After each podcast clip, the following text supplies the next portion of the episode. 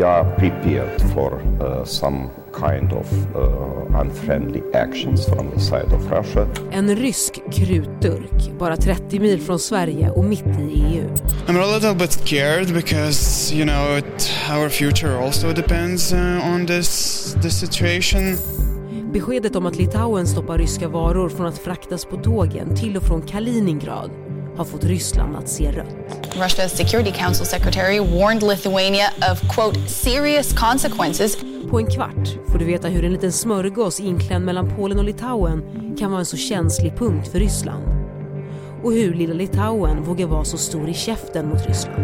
Welcome to Europe's latest headache. Det är onsdag den 29 juni och jag heter Fanny Härgestam. Det här är dagens story från Svenska Dagbladet.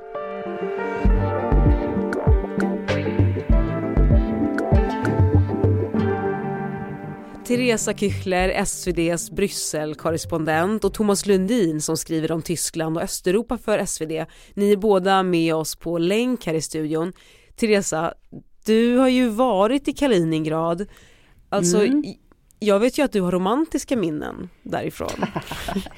jag åkte som, eh, när jag fortfarande var journaliststudent så åkte jag dit för att skriva reportage. Det var ett halvår innan Litauen mm. med i EU och NATO, så det var väldigt mycket på gång då. Så.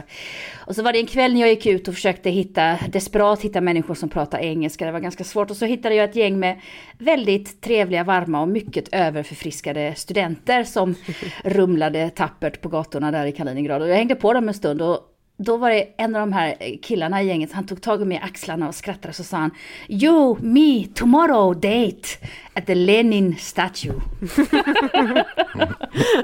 Hur utvecklades den historien sen? sen rumlade han vidare och sa aldrig någon tid när vi skulle ses under Lenin-statyn där på torget. Så att eh, det hade inte kunnat bli en dejt. Eh, om jag inte hade stått och häckat under Lenin då i ett dygn och väntat. Men du hade kanske liksom i ett annat liv kunnat bo i Kaliningrad idag? Ja, det hade varit synd. Det är inte, det är inte världens vackraste stad kan jag säga. Det är ju en liksom, militärstad så att det är så här liksom barackkänsla nästan. Det var det för 20 år sedan då när jag var där. Så att... Thomas, du har ju också varit där vet jag. Blev du också uppraggad eller? Eh, nej, gammal gubbe som jag blev inte uppraggad. Men, men jag var ju där då på 90-talet och ja, senare också då. Och då var ju en, en, en så Kaliningrad, det låg liksom uppbrott och optimism i luften. Liksom. Mm. Just blivit av Sovjetunionen liksom gått upp i rök, allt var försvunnit och liksom ungdomar på gatorna, gatukaféer. Mm. Eh, man pluggade tyska och engelska och liksom vände blickarna västerut. Och ja, sen vet hur det gick liksom med eh, Krimhalvön och liksom den drömmen den, den krossades ju ganska snabbt. Så idag är det tillbaka till det gamla, gamla Sovjetstilen i stort sett. Mm. Vi kommer återkomma till eh, Kaliningrad som plats, men jag tänkte först eh, Spänningarna mellan Ryssland och EU har ju hoppat upp en nivå nu och det har ju att göra med Kaliningrad. Hur spänt är det nu, Thomas? Ja, läget är spänt och man får skillnad då på hur Ryssland ser på det och på EU och NATO. För Rysslands del så är det helt enkelt en livsnerv som träffas. För Kaliningrad kan inte försörjas på annat sätt egentligen utan eh, än genom den här korridoren genom Litauen. Eh, det finns sjövägartransporter för Kaliningrad är eh, Rysslands enda isfria hamn, men det räcker inte på långt när. Sen för EUs och NATOs del eh, så är det ju Kaliningrads militära styrka som oroar. Eh, och det här är ju en extremt eh, upprustad del av Östersjön som är eh, den ryska Östersjöflottans bas med krigsfartyg, ubåtar, medeldistansmissiler och kärnvapen som kan nå allt då från, från Berlin till Warszawa och, och stora delar av Sverige. Så till syvende och sist handlar det om, om risken för att EU respektive NATO ska dras in i kriget som nu pågår i Ukraina. Det som har hänt är att Litauen uppbackat av EU har beslutat att stoppa frakt av vissa varor, till exempel byggnadsmaterial. Varför är det här så stor grej, Teresa? Det är för att eh, det, är som sagt då en enklav som är helt avstängd från, vad ska man säga, vad ska man kalla det, moder Ryssland. Det, det stora Ryssland, eh, några länder bortanför där. Eh, och, och, det är klart att då, man, man liksom stryper ju en hel enklav. Det, jag såg en intervju med någon sån här, just någon som tillverkade cement till byggarbetsplatser som sa att han inte hade kunnat leverera någon eh, cement på eh, några månader nu. Så det är ju sanktioner som EU har infört eh, i och med Ukraina-kriget. Och, och, då har ju vissa varor som för Kaliningrad är nödvändiga hamnat på den där listan av produkter som vi inte längre ska exportera till Ryssland. Och då säger ju Litauen att ja, men vi gör ju bara vad, vad sanktionspaketet eh, säger åt oss att göra. Vi stoppar tågen, vi kollar vad som finns ombord och finns det sånt som, inte, som är på listan så, så får det inte komma in. Russia, also Russia. A tiny bit of Russia, sandwiched between EU and NATO members. Det är ett hörn av Östersjön som till ytan är lite större än Skåne och som har en befolkning på nära en miljon och en komplicerad historia. Området har under sekler varit mål för en rad statsmäns stormaktsambitioner från svenske Karl X Gustav till Hitler. Som en del av Tyskland fram till 1945 hette Kaliningrad Königsberg tills Röda armén snodde till sig området av nazisterna. Därefter bytte exklaven namn och blev en del av Sovjet. Den tyska befolkningen avhystes och ersattes av ryssar och belarusier. Kaliningrad blev till slut en del av Ryssland, inklämd mellan NATO-länder, mitt i EU.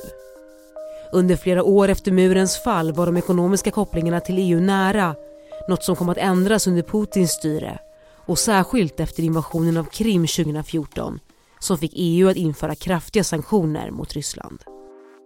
Thomas, just för att göra det ännu tydligare, varför är det just Litauen som kan fatta det här beslutet om att begränsa frakten? Kontrollerar de helt de här transporterna eller?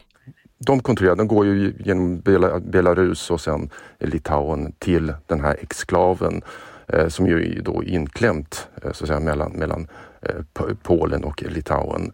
Så att det, det, de, deras uppgift är att kontrollera helt enkelt och eh, mm, det är ju det är som Teresa sa, inget som de själva har kommit på utan det, det är EU-sanktionerna som gäller. Men, men, Ryssland har ju reagerat otroligt skarpt på det här. Liksom de, de talar om en olaglig bojkott och om liksom en fientligt agerande och eh, liksom hökarna i Moskva de börjar liksom kräva att man med militärmakt ska skapa en rysk korridor för att försörja den här exklaven. Så att det, det, det, det är hårda reaktioner där. Hej, jag Ryan Reynolds. Recently, I asked Mint Mobiles legal team if big wireless companies are allowed to raise prices due to inflation. They said yes. And then when I asked if raising prices technically violates those onerous two-year contracts, they said, what the f*** are you talking about, you insane Hollywood ass?" So to recap, we're cutting the price of Mint Unlimited from $30 a month to just $15 a month. Give it a try at mintmobile.com slash switch. $45 up front for three months plus taxes and fees. Promoting for new customers for limited time. Unlimited more than 40 gigabytes per month. Slows. Full terms at mintmobile.com. Kaliningrad ligger ju som ni båda varit inne på inklämt mellan Polen och Litauen. Båda är NATO-länder. Vilken betydelse har Kaliningrad för NATO? Thomas? Ja, det är ju ett direkt hot alltså mot Nato. Eh, bortsett från att det, liksom, det är en central del av Östersjön, liksom den enda isfria hamnen som de har där och är deras örlogsbas. Eh, så har de dessutom eh, den, kan de kontrollera den, den här så kallade Suwalki-korridoren. Det är alltså en 100 kilometer bred eh, eh, landremsa som är Natos enda landväga tillgång till NATO-medlemmarna mm. i Baltikum. Täpps den till så liksom är ju NATO fullständigt avskuret från de baltiska medlemmarna. Så det är liksom en påtryckningsmöjlighet som är, skrämmer många i väst och eh, i NATO och eh, är liksom Moskvas kanske främsta verktyg i den här frågan. Mm. Det är ju heller ingen hemlighet att, eh, att Kaliningrad, att det ofta antyds som Moskva att det är där man har eh, bevarar väldigt stor del av kärnvapenarsenalen som, som Ryssland har. Så jag tänkte så här, vad, vad är det, på, titta på Polen och Litauen och som hur nära det ligger.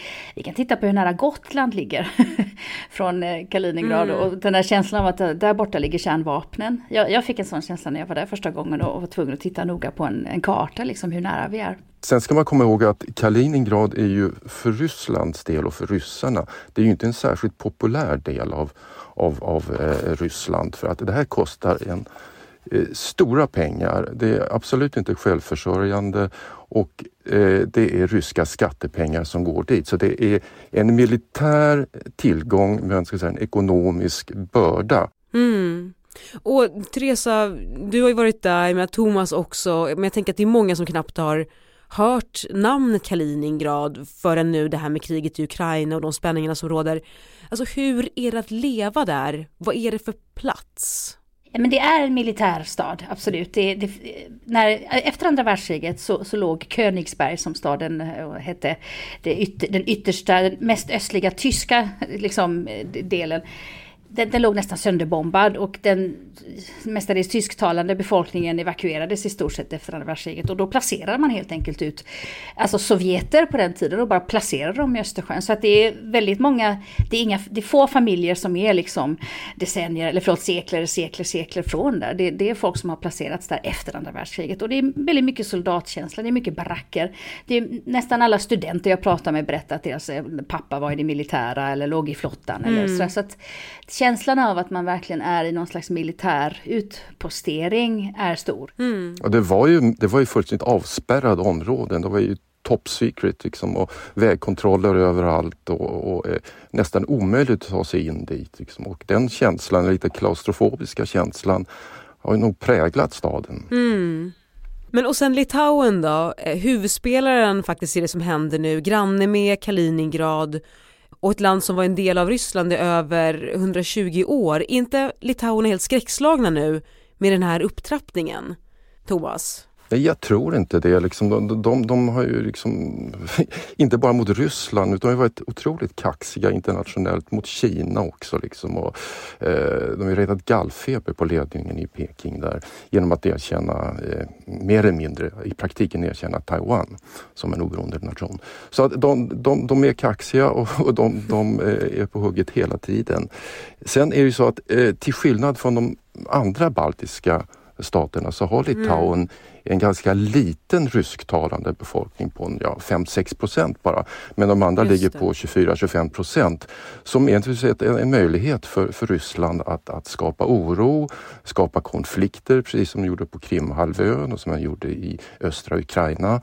Eh, det, det, det, problemet har Litauen. De har varit otroligt duktiga på att integrera den rysktalande mm. minoriteten.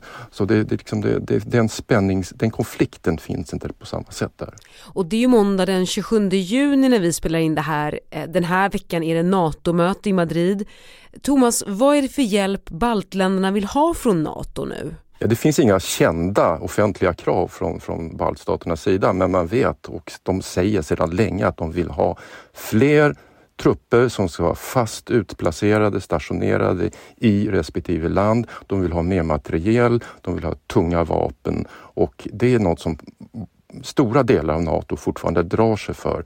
Det som idag är, existerar är ju ett, ett, ett, roterande schema där trupper skyfflas fram och tillbaka för att liksom, eh, på pappret i alla fall kunna säga att vi har inte fasta trupper i före detta Östeuropa, före detta Sovjetunionen. Mm.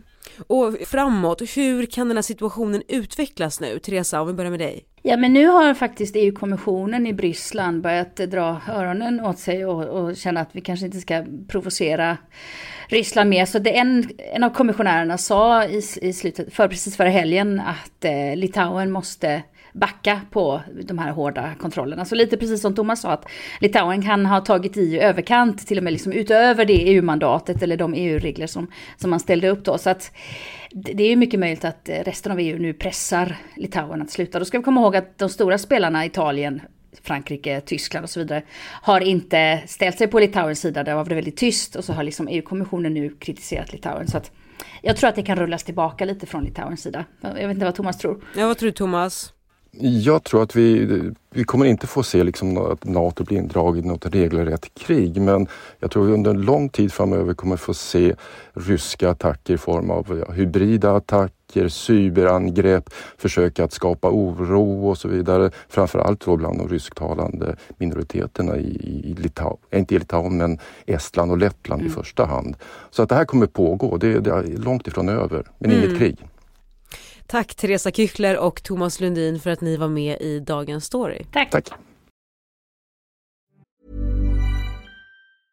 Ryan Reynolds här från Mint Mobile. Med priset på nästan allt som går upp under inflationen, trodde vi att vi skulle bring våra priser down. So to help us, we brought in a reverse auctioneer, which is apparently a thing. Mint Mobile unlimited premium wireless. Ready to get 30, 30, bit to get 30, bit to get 20, 20, 20, bit to get 20, 20, bit to get 15, 15, 15, 15 just 15 bucks a month. So, Give it a try at mintmobile.com/switch. slash $45 upfront for three months plus taxes and fees. Promo rate for new customers for limited time. Unlimited more than 40 gigabytes per month. Slows. Full terms at mintmobile.com. Du har lyssnat på Dagens Story från Svenska Dagbladet. Dagens avsnitt klipptes av Lasse Edfast, redaktör Teresa Stenlöf von Matern och jag heter Fanny Härgestam. Ljudklippen idag kom från Sveriges Radio, Radio Free Europe, Sky News, BBC, Deutsche Welle News och The Sun. Vill du kontakta oss så mejla till dagensstory.svd.se.